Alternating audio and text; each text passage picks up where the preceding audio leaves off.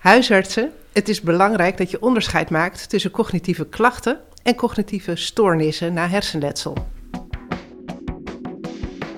Welkom bij de podcastserie van Daisy Medical Partners, waarin Maarten Lefevre in gesprek gaat met artsen, patiënten en patiëntverenigingen om met elkaar te streven naar een optimale kwaliteit van leven voor patiënten. Vandaag zijn we te gast bij Merem Medisch Revalidatie in Hilversum en praten we met revalidatiearts en bestuurder Paulien Goosens en adviseur Citizen Science bij de Hartstichting Liesbeth van der Wal. Eh, we hebben het over welke cognitieve zichtbare en onzichtbare gevolgen patiënten kunnen ervaren na hersenletsel en wat de impact hiervan is op het eh, dagelijks leven van deze mensen. Eh, ook praten we over wat de gevolgen van een IC-opname, een reanimatie of een COVID-besmetting kunnen zijn op de hersenen. Dames, van harte welkom bij de podcastserie over hersenletsel. En uh, Lisbeth, om bij jou te beginnen. Welke cognitieve problemen ervaren patiënten met hersenletsel? Uh, dat kan eigenlijk heel divers zijn. Dat is heel erg afhankelijk van uh, ja, welke impact hersenen hebben gekregen uh, wat dat betreft. Maar wat we vooral veel zien is dat mensen problemen hebben met ja, aandacht, concentratie. ja, niet meerdere dingen tegelijk kunnen doen. Dus problemen met executieve functies. Uh, wat we ook wel zien is dat er verminderd initiatief is bijvoorbeeld. Dat mensen ja, eigenlijk in de stoel blijven zitten wat dat betreft. Niet tot, tot handelen kunnen overgaan. Dus ja, er zijn heel veel diverse dingen die mogelijk zijn uh, wat dat betreft. Ja, ik kan me voorstellen dat het wellicht ook afhangt van het soort hersenletsel. Wellicht dat Paulien uh, daar straks ook uh, verder over uit gaat wijden. Paulien, wat zijn de onzichtbare gevolgen van hersenletsel? Ja, eigenlijk zou je wel kunnen zeggen dat er meer onzichtbare dan zichtbare gevolgen zijn van hersenletsel. Want ja, zichtbaar is er niet zoveel. Dat is, uh, ja, als iemand spastisch is, staat zijn hand raar. En als hij verlamd is, dan kan hij niet goed lopen. Maar er zijn veel meer onzichtbare gevolgen. En Lisbeth noemde er net al een heleboel. Hè? Maar je moet ook denken aan gedragsveranderingen. Ja. Uh, aan een korter lontje, ontremde emoties. Uh, huilen zodra je een, een pasgeboren lammertje op tv ziet. overprikkeld raken. Um, en ja, het gevolg daarvan is dat mensen veel minder kunnen deelnemen aan hun normale sociale rollen, minder kunnen participeren en uh, een lagere kwaliteit van leven hebben. En is dat altijd eh, vaak meer emotie of komt het ook voor uh, dat de emotie bijvoorbeeld minder is? Ja, het kan eigenlijk allebei. Het ligt soms aan de plek waar mensen hun hersenletsel hebben. Um, maar je hebt mensen die echt een heel kort lontje hebben en mensen die echt apathisch in een stoel zitten. Ja, beide mogelijk. En Lisbeth, wat voor invloed uh, kunnen deze klachten hebben op de kwaliteit van leven van de patiënt? Ja, mensen met hersenletsel ervaren vaak dat gewoon hun, hun leven echt niet meer is zoals het vroeger was. Ze merken echt wel uh, uh, ja, dat ze dingen niet meer kunnen uitvoeren zoals ze dat daarvoor gewend waren. Dus ze lopen ja. tegen dingen aan als ja, gewoon hele dagelijkse klusjes niet meer kunnen doen. Waardoor ze ja, eigenlijk in dat opzicht de kwaliteit van het leven niet meer ervaren zoals daarvoor. Omdat je bijvoorbeeld, uh, ja, als je naar een feestje gaat, uh, eigenlijk te veel prikkels binnenkrijgt, waardoor je niet meer naar het feestje wil. En zo zie je dat ze eigenlijk een beetje in een soort vicieuze cirkel komen om uh, ja, eigenlijk steeds meer afstand te nemen van, van de dagelijkse dingen die ze altijd deden. Sociaal isolement misschien ja, zelfs wel? Ja, bijvoorbeeld. En ja, daardoor zie je natuurlijk dat dat echt niet, ja, dat mensen gewoon niet, uh, niet kunnen doen wat ze willen. Ja, en ik kan me voorstellen uh, dat ook naasten van patiënten met hersenletsel te maken kunnen krijgen met uh, psychosociale veranderingen. Um, ja, wat zie jij in de praktijk bij naasten gebeuren? Nou, wat je ziet, omdat mensen veel meer op hun schouders krijgen, zo'n partner, omdat ze ineens veel meer moeten doen, dat ze ook stress ervaren of overbelasting. En ja, ze proberen eigenlijk alle ballen in de lucht te houden. En dan zie je ja, dat dat natuurlijk een heel grote impact heeft op hun eigen leven. Ja. Uh, ja. Ja, snap ik. Ja, het is natuurlijk ook een, een, een flinke zorg die je er dan bij krijgt. En uh, pa Paulien, um, waarom vind jij dat er meer awareness gecreëerd moet worden voor, uh, ja, vooral voor deze onzichtbare klachten? Nou, even terugkomend op wat Lisbeth net zei. Ik denk dat ook een belangrijk aspect is dat als uh, een patiënt hersenletsel heeft gehad, dan kan hij dus veranderen. Hè, waar we het net over hadden. Apathischer worden, ongeremder worden, angstiger, somberder. Um, geheugenstoornissen hebben, zijn redenering niet meer zo scherp kunnen formuleren als vroeger. Dus je krijgt echt een andere partner en dat is heel zwaar. En dat zien we ook dat als mensen een jongere partner hebben en minder lang bij elkaar zijn, is de kans dat de echtscheiding uh, volgt, is behoorlijk wat groter. En dat is ja, aan de ene kant denk je, goh, wat sneu, uh, blijf nou bij elkaar uh, for better en for worse. En aan de andere kant ook wel heel invoelbaar, want het is echt vaak niet meer de mens waar jij verliefd op bent geworden. Ja, en als buitenstaander kan je daar waarschijnlijk ook uh, lastig een oordeel over vellen omdat je dat zelf niet meemaakt. Ja. Nou, het is vooral ook de karakterveranderingen die mensen hebben. Je hoort ook wel eens dat mensen bijvoorbeeld voorheen altijd heel, heel vrolijk en enthousiast waren, maar daarna bijvoorbeeld heel, ja, eigenlijk heel initiatiefloos en nou ja, echt heel anders reageren op situaties. Dus in dat opzicht is het ook niet meer de persoon die het was. Nee, nee. En dat realiseren heel veel mensen zich ook niet. En ja, als je dan als partners verder moet, dan is die klik er vaak ook gewoon niet meer. Nee, Nee, ja, ik kan me voorstellen dat dat, uh, Paulien, wat jij zegt, dat als je al 60 jaar bij elkaar bent, dat uh, de stap om uit elkaar te gaan tot laagdrempeliger is. Of uh, en, moeilijker is dan dat je jong bent. Ja. ja. En um, um, patiënten die uh, kunnen door een IC-opname hersenbeschadiging oplopen. En het is van belang dat huisartsen een verband gaan leggen tussen een IC-opname en eventuele cognitieve problematiek. En Paulien, wat voor invloed kan een IC-opname hebben op de hersenen van een patiënt? Wat gebeurt er dan eigenlijk in de hersenen? Ja, ik denk dat het goed is om je te realiseren dat 20 tot 40 procent van alle mensen die op de IC heeft gelegen cognitieve stoornissen oploopt. Dat is toch behoorlijk wat. En dan heb ik het niet over de mensen die na een operatie even naar de IC gaan om even in de gaten te houden. Hè? Nee. Maar de mensen die naar de IC toe gaan omdat ze uh, longfalen hebben of een hartinfarct of een beroerte of een, uh, een sepsis. Daarvan uh, komt uiteindelijk 20 tot 40 procent met cognitieve klachten of meer cognitieve stoornissen dan ze tevoren hadden van de IC af. Um, en daar moet je aandacht voor hebben, omdat dat um, vrij onzichtbaar is. Uh, en je mensen daarmee kunt helpen om wel weer hun leven op, uh, op orde te zetten. En je vroeg, wat gebeurt er nou precies met die hersens? Ja, ja dat zijn een aantal dingen. Uh, je moet je voorstellen dat er ontstekingsfactoren een rol spelen bij heel veel IC-opnames. Die zijn niet goed voor de hersens, daar hebben ze last van. Uh, er zijn metabole veranderingen en dan met name de hypo- en hyperglycemieën die op een IC toch af en toe voor kunnen komen, kunnen daar een rol in spelen. Uh, bepaalde medicatie, met name sedatieve medicatie, speelt een rol. Ja. en wat niet iedereen weet, maar de duur en ernst van een delier um, op, tijdens een IC-opname is ook direct gecorreleerd met de hersenschade. En als je de deliertijd weet te verkorten, is ook de cognitieve schade minder. Dus daar lijkt wel echt een relatie te zitten. De deliertijd verkorten. Um, zou een huisarts dit goed begrijpen? Ja. Ja? Oké, dat, uh, dat is een helder antwoord. Lisbeth, um, wat voor korte en wat voor lange termijn effecten kan een IC-opname hebben op de patiënt? We hoorden al wat, uh, wat effecten, maar misschien even een afsplitsing tussen korte en lange termijn. Ja, inderdaad. Uh, nou ja, de korte termijn zie je dat mensen die op de IC liggen, daar liggen zijn natuurlijk heel veel piepjes en geluiden. En nou ja, mensen die kunnen natuurlijk heel weinig, is dat ze vaak heel angstig zijn nou ja, verwarring komt voor. Uh, de verstoring van het dag- en nachtritme zien we bij patiënten op de IC. Nou ja, zoals Pauline al zei, hè, een delier uh, kan, uh, kan voorkomen. Um, naast de, de, de, klachten die, of de problemen die zeg maar, door de hersenen veroorzaken, of die de, waar de hersenen last van hebben, zie je ook dat bijvoorbeeld mensen heel veel ja, de spieren afnemen, hè, doordat ja. ze de hele tijd stil liggen. Nou, gewichtsverlies bijvoorbeeld. Dus mensen komen er echt in, in dat opzicht ja, na zo'n IC-opname beroerd uh, af. Ja. En op de lange termijn zien we dus inderdaad dat, uh, dat mensen die cognitieve klachten blijven houden. Hè, die 20 tot 40 procent die Pauline al noemde. Ja, fors percentage. Is zeker een fors percentage. En nou ja, dat, dan zien we dus voornamelijk dat mensen echt problemen hebben met nou ja, geheugen, hè, dingen onthouden, concentratieproblemen, het verwerken van prikkels, uh, nou ja, ook angst en somberheid. Hè, dat ze terugkijken naar de periode op de IC waar ze heel weinig van, meegekregen hebben.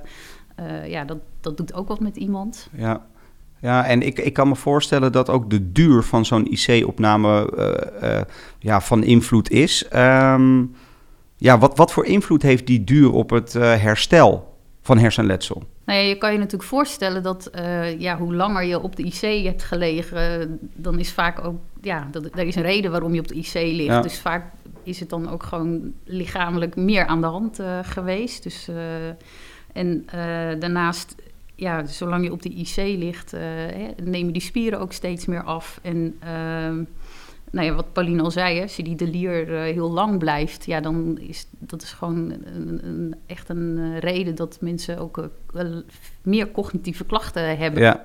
Dus hoe, hoe korter, hoe beter. Ja. Hè, als je daar al van kan spreken natuurlijk, ja. als je op de IC ligt. Maar hoe langer, hoe groter de, de negatieve effecten op de hersenen. Over het algemeen wel. Ja, en Paulien, um, kan je een onderscheid maken in medisch en psychosociaal herstel? Het is lastig om dat onderscheid te maken echt heel scherp. Want ja, een mens is één. Hè? Je bent, uh, er is geen onderscheid tussen je hersens en de rest van je lijf. Uh, maar je kan wel stellen, als iemand van de IC afkomt, dan is hij over het algemeen uh, knap belabberd en uit conditie. Je mag best mensen eerst een periode ook gunnen om te herstellen voordat je dingen gaat labelen als cognitieve stoornissen. Ja.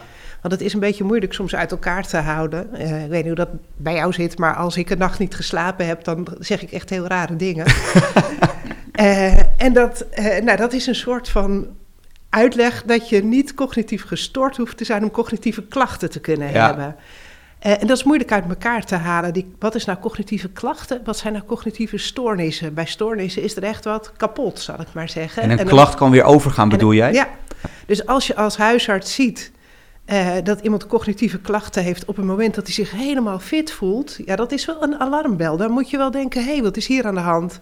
En als iemand heel specifieke, ja, vocale klachten noemen we dat dan, heeft, uh, een afasie of een apraxie of een neglect of zo'n soort klacht waarvan je onderbuik gaat rinkelen, dat je denkt: ja, maar dat heb ik toch niet als ik een nacht niet geslapen heb.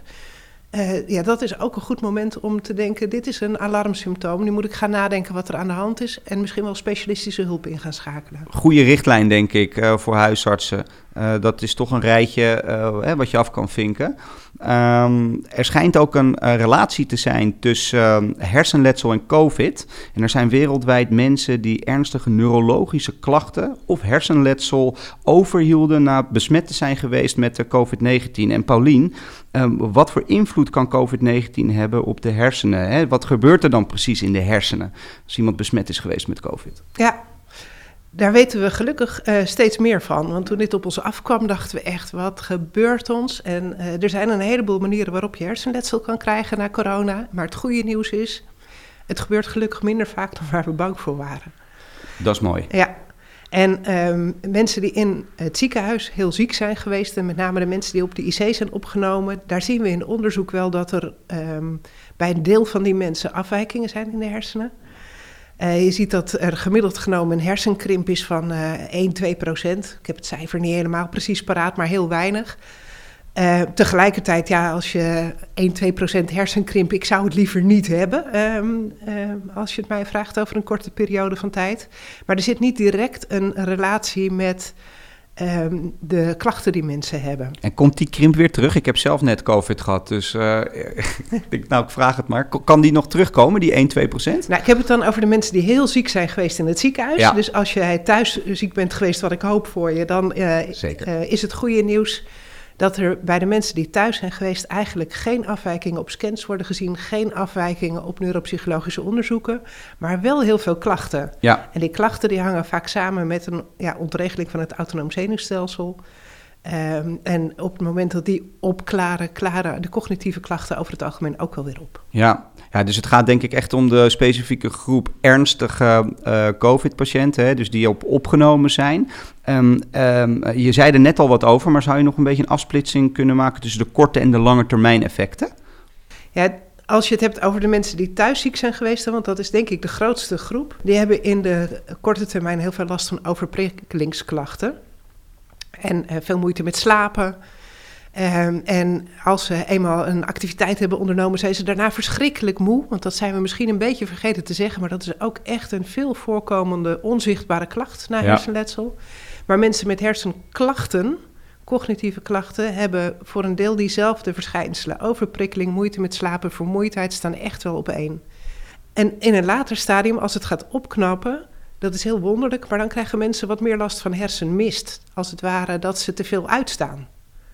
Ehm, en vervolgens zie je mensen opknappen en hoe dat nou kan. En of die observatie die niet alleen ik, maar een heleboel collega's van mij ook gedaan hebben in deze volgordelijkheid.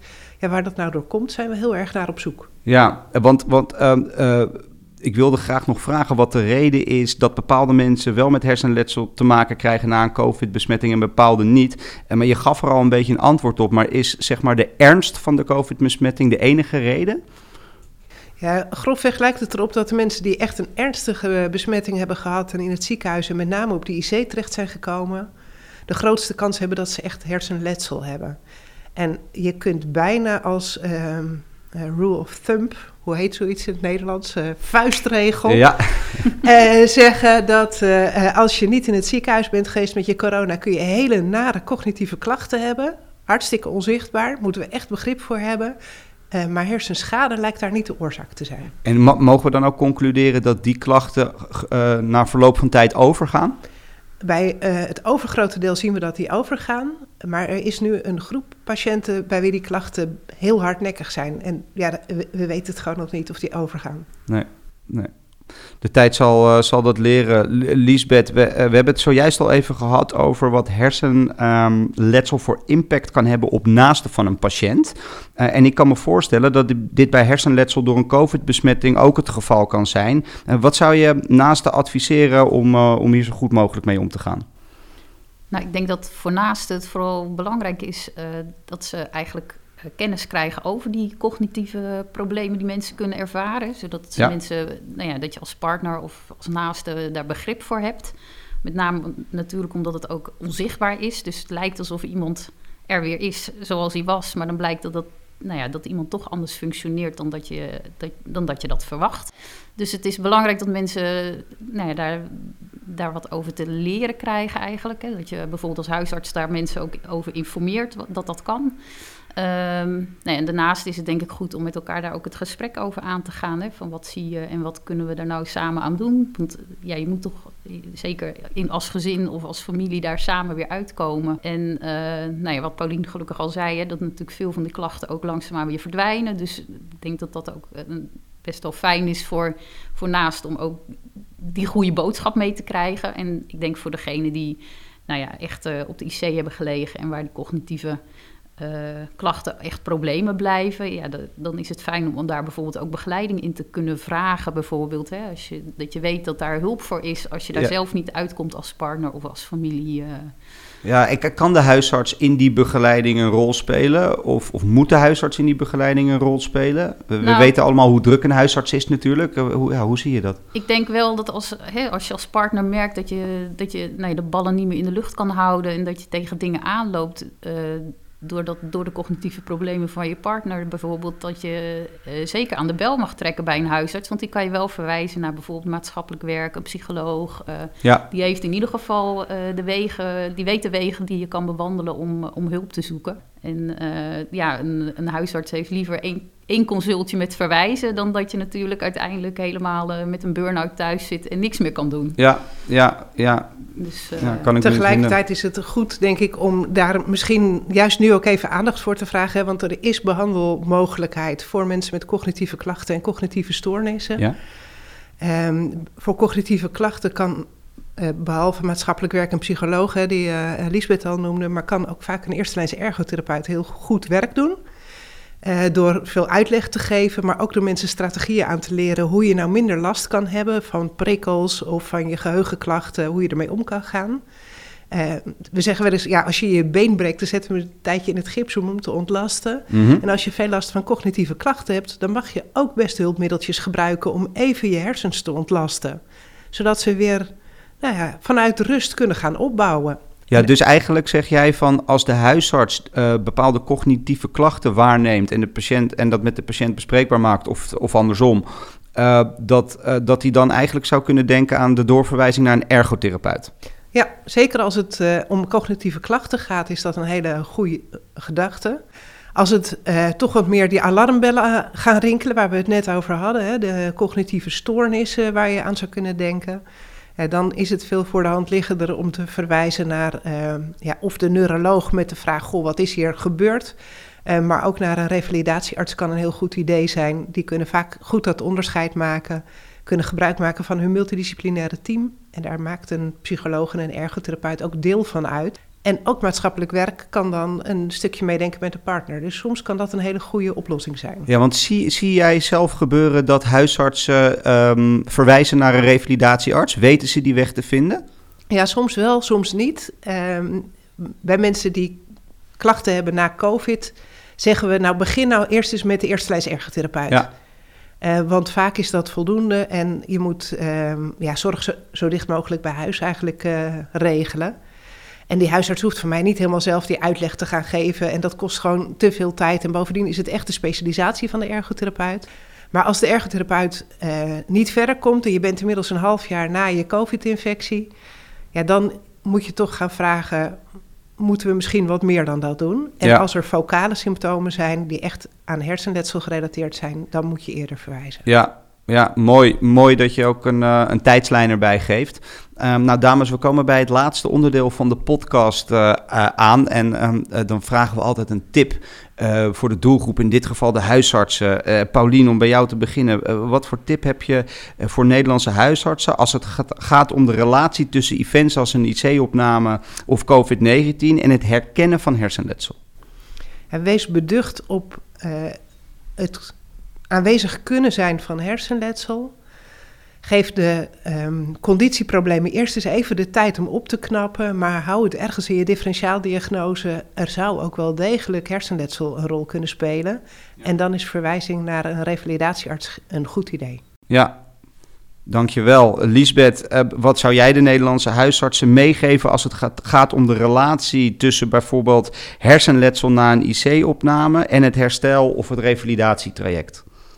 Nou, ik denk dat, eh, wat Pauline eigenlijk al zei, dat op het moment dat er uh, cognitieve uh, problemen of stoornissen zijn, dat inderdaad de mogelijkheid is tot een revalidatietraject. Wat ik denk nog wel ook heel belangrijk is voor huisartsen om te weten, is dat als mensen gerevalideerd hebben en klaar zijn na de revalidatie, dat ook na een jaar of twee jaar mensen nog steeds tegen problemen aan kunnen lopen doordat nou ja, door de, de, de, cognitieve stoornissen die ze ervaren. Uh, en dat dan bijvoorbeeld ook opnieuw nog eens een keer verwijzen naar uh, ook heel belangrijk kan zijn. Dat mensen dus niet uh, ja, eigenlijk aan hun lot overgelaten ja. worden, ondanks dat ze het al een keer gerevalideerd hebben, bijvoorbeeld. Ja, dus het traject is niet altijd gelijk het eindstation. Nee, nee. en ik denk dat dat ook wel belangrijk is, zodat mensen niet uh, alsnog vastlopen, ondanks dat ze misschien al een traject een keer gehad hebben. Ja. Soms ervaar je gewoon pas problemen later, omdat je dan pas je werk weer oppakt, of omdat er een nieuw event in je leven gebeurt. Of, ja. En ik denk dat dat heel belangrijk is ook. Dus eigenlijk zouden huisartsen toch een beetje moeten blijven monitoren? Nou, alert zijn op en, ja. Het in gedachten blijven houden. Het is een belangrijke toevoeging die Lisbeth net maakt. Binnen een cognitief revalidatietraject leer je omgaan met je cognitieve stoornissen. Maar stoornissen die er een half jaar na een IC-opname nog zijn, mag je van uitgaan dat ze blijvend zijn. Ja. ja. En dat blijft dus wel iets wat je je hele leven meedraagt. En ja, je leven verandert. Dus ja. Duidelijk. Dames, ik wil jullie hartelijk bedanken. Ik vond het een ontzettend leuke uh, podcastopname uh, hier in Hilversum. En hopelijk tot gauw.